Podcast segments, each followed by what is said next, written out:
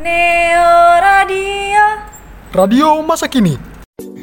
Assalamualaikum Sobat Muda Education Kembali lagi nih bersama aku Anissa Rashifa Dalam siaran Neo Radio Yang akan menemani kalian selama 30 menit ke depan By the way, gimana nih kabarnya? Semoga selalu sehat ya Oh iya, mumpung masih suasana lebaran, aku mau mengucapkan Takoballahu minna wa minkum, mohon maaf lahir dan batin.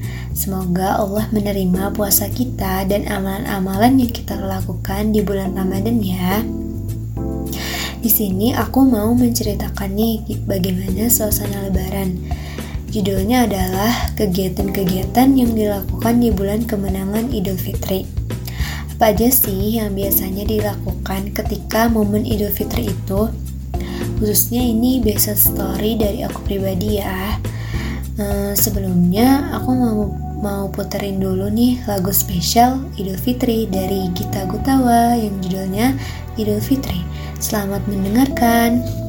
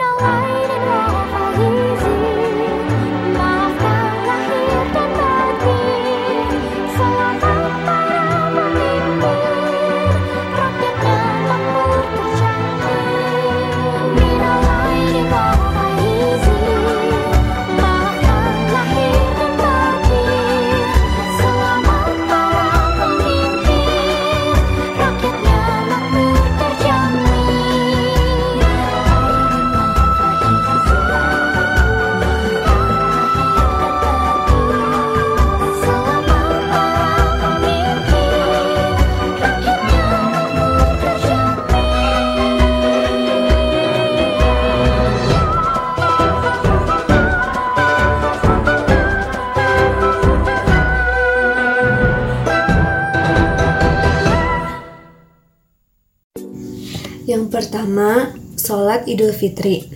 Sholat Idul Fitri di masa pandemi ini memang banyak tantangannya.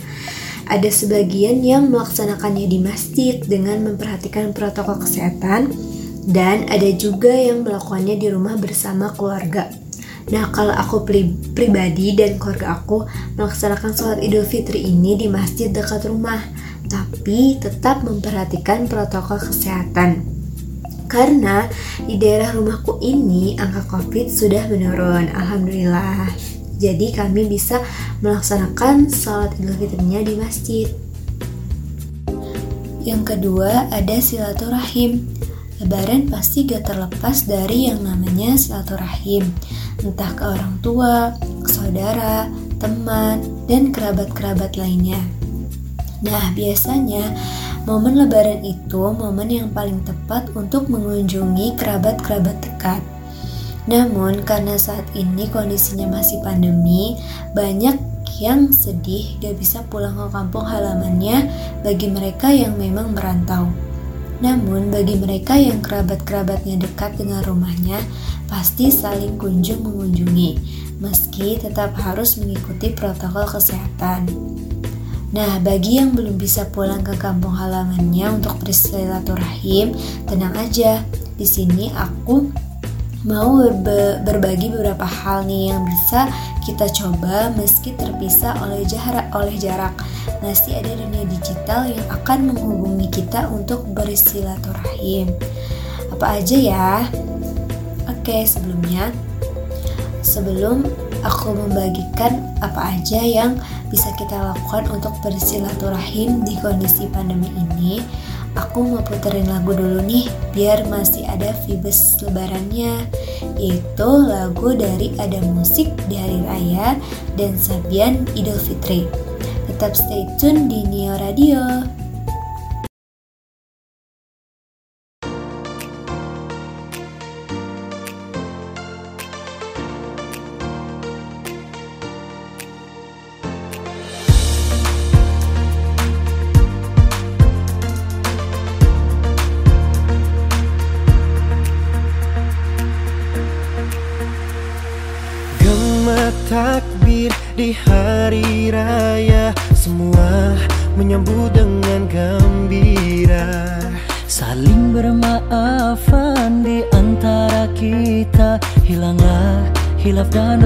sesama.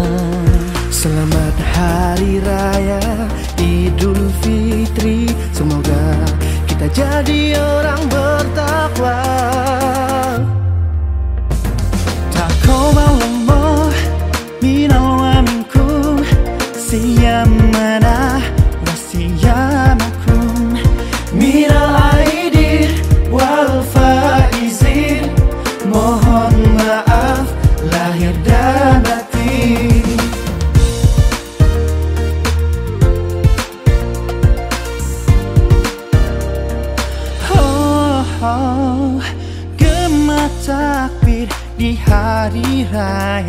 Semua menyambut dengan gembira. Saling bermaafan di antara kita Hilanglah hilaf dan dosa sesama. Selamat Hari Raya Idul Fitri Semoga kita jadi orang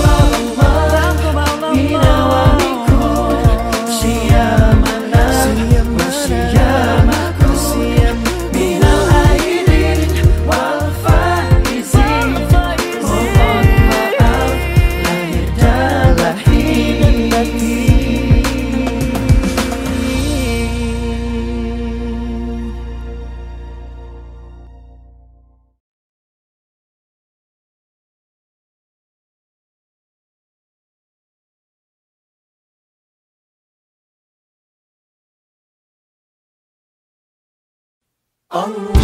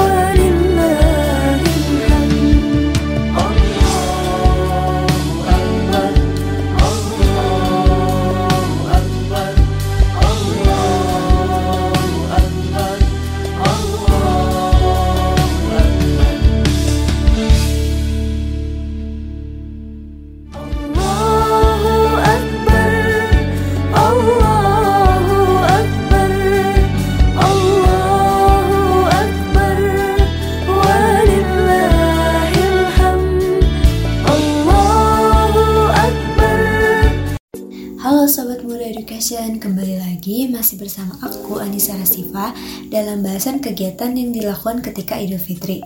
Tadi udah dengarkan lagu-lagu Hari Raya Idul Fitri, semoga vibes-vibes lebarannya masih kerasa ya. Baiklah kita lanjut lagi nih, tadi kan tentang silaturahim alternatif yang bisa dilakukan di masa pandemi ini. Lalu apa aja nih? Yang pertama ada aplikasi kartu ucapan lebaran. Kartu lebaran umumnya dikirimkan kepada relasi, teman, dan saudara menjelang lebaran. Pengiriman kartu lebaran melalui kantor pos biasanya mulai ramai dua pekan sebelum lebaran. Pada saat PSBB seperti sekarang ini, kita dapat memanfaatkan kartu lebaran digital untuk mengirim ucapan hari raya kepada keluarga atau kerabat. Melalui kartu ucapan digital tersebut, kita bisa mendesain sendiri kartu ucapan lebaran dengan beberapa aplikasi. Kita dapat menggunakan kata kunci lebaran untuk mencari aplikasi-aplikasi tersebut dan setidaknya ada empat aplikasi kartu ucapan lebaran di Play Store. Aplikasi-aplikasi tersebut umumnya menghadirkan template ucapan lebaran dengan frame berhiaskan gambar masjid, beduk, dan ketupat. Kita dapat menyisipkan foto dalam kartu tersebut dan menghiasinya dengan teks serta ikon yang telah tersedia. Aplikasi kartu ucapan lebaran ini bisa jadi alternatif nih kartu ucapan lebaran yang biasa dikirim secara konvensional. Kartu ucapan lebaran ini juga cocok dikirimkan lewat Facebook, Twitter, WhatsApp, atau Twitter. Yang kedua, ada stiker atau gift.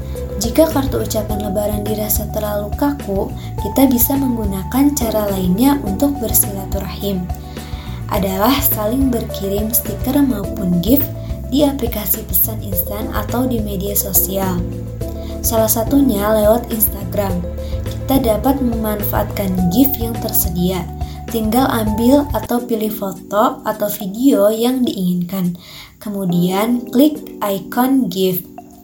Setelah itu, ketik lebaran atau idul fitri pada kolom pencarian untuk mendapatkan GIF dengan tema tersebut.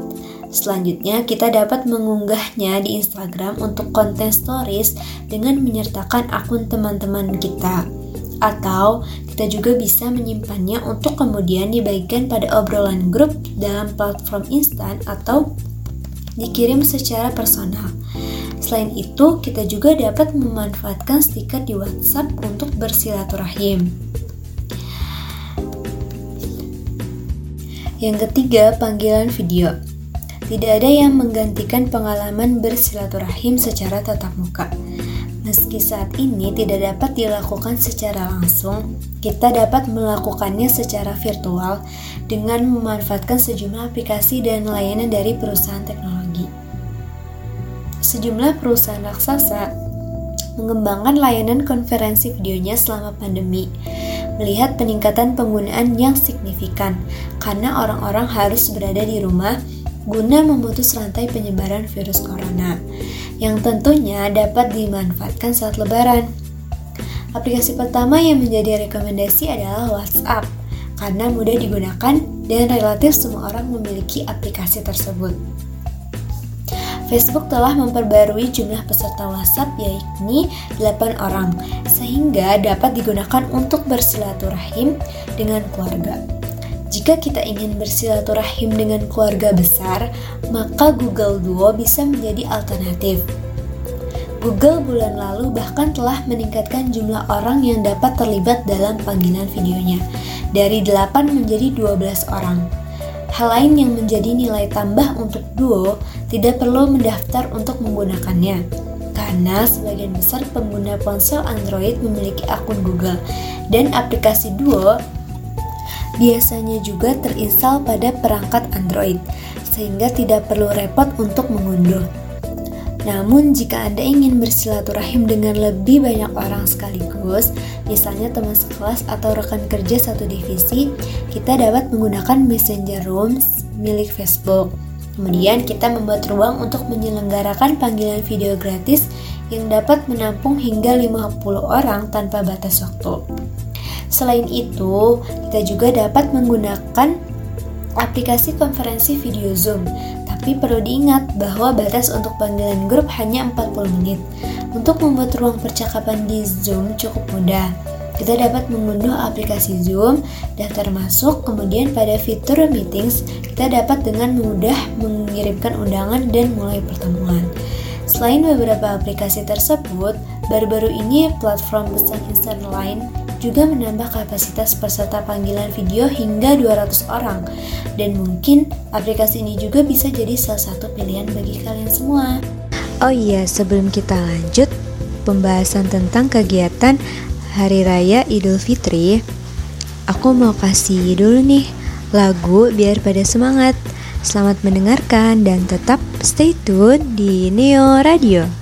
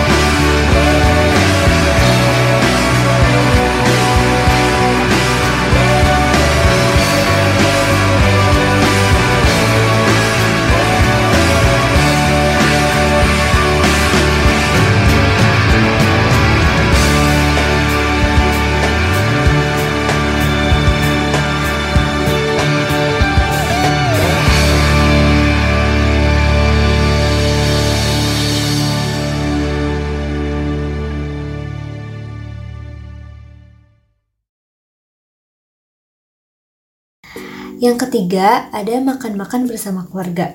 Makan-makan merupakan momen yang tak terlepas dari Idul Fitri tentunya. Menunya pun tak jauh dari ketupat, opor ayam, rendang, dan makanan khas lebaran lainnya.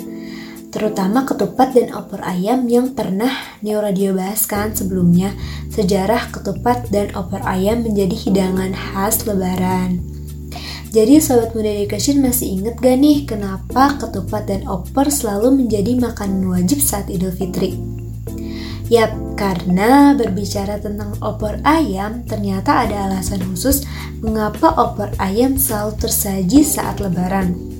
Terutama di meja makan masyarakat Jawa. Dari sekian banyaknya lauk pauk yang bisa dipilih untuk ketupat lebaran, opor ayam menjadi lauk yang wajib ada saat lebaran bagi masyarakat Jawa.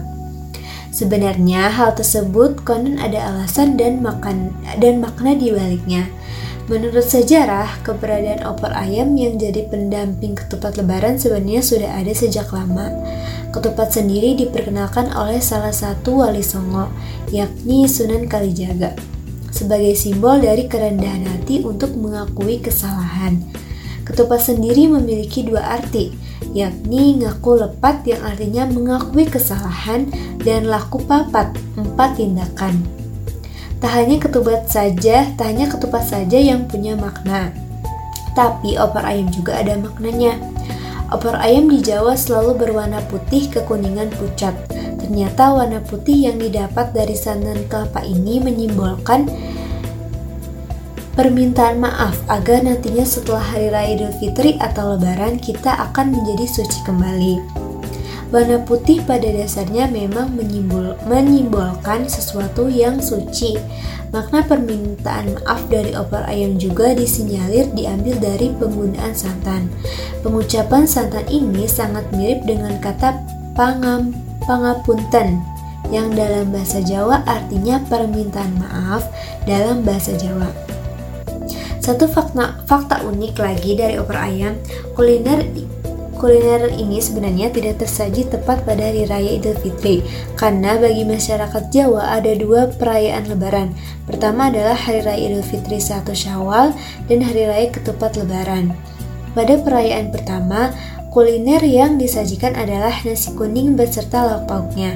Sedangkan pada perayaan kedua yang dirayakan seminggu setelah perayaan pertama, kuliner yang disajikan adalah ketupat sayur dengan opor ayam. Yang keempat, makan bakso. Entah dari mana tradisi makan bakso ini dilakukan saat Idul Fitri, padahal sudah ada opor ayam dan ketupat. Biasanya banyak yang berburu bakso ketika siang hari setelah lebaran. Mungkin uh, sudah bosen dengan opor dan ketupat kali ya, jadinya ingin makanan yang segar-segar gitu di siang hari. Jadilah orang-orang pada berburu bakso dan mie ayam. Dan pedagang bakso dan mie ayam ini juga sangat laris pada saat lebaran. Yang kelima, bagi-bagi THR. THR atau singkatan dari tunjangan hari raya tidak hanya dibagikan kepada karyawan, namun juga dibagikan saat berkumpul bersama sanak saudara saat lebaran. Biasanya yang akan mendapatkan THR adalah anak-anak hingga orang yang belum bekerja. Nah pasti pada seneng kan kayak bagi-bagi THR gitu Pasti sangat-sangat dinantikan nih bagi-bagi THR ini Menurut psikolog klinis dari personal growth, Veronica Adesla, momen bagi-bagi THR sudah menjadi tradisi yang umum dilakukan dari yang lebih tua pada yang lebih muda sebagai rewards, dan THR juga sebagai bagi-bagi rezeki dan kebahagiaan di hari raya. Nah, itu dia tadi cerita kegiatan aku selama Lebaran Idul Fitri ini. Semoga menjadi inspirasi buat sahabat muda education semua ya. Aku Anissa Rasifa pamit undur diri. Wassalamualaikum warahmatullahi wabarakatuh.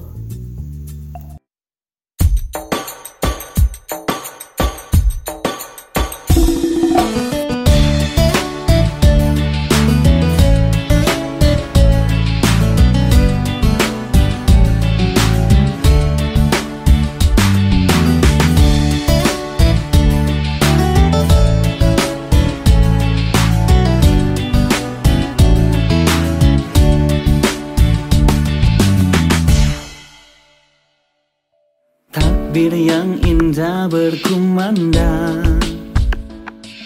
Ramadan kini berakhir sudah. Esok hari kita akan bersama. Sholat Idul Fitri berjamaah.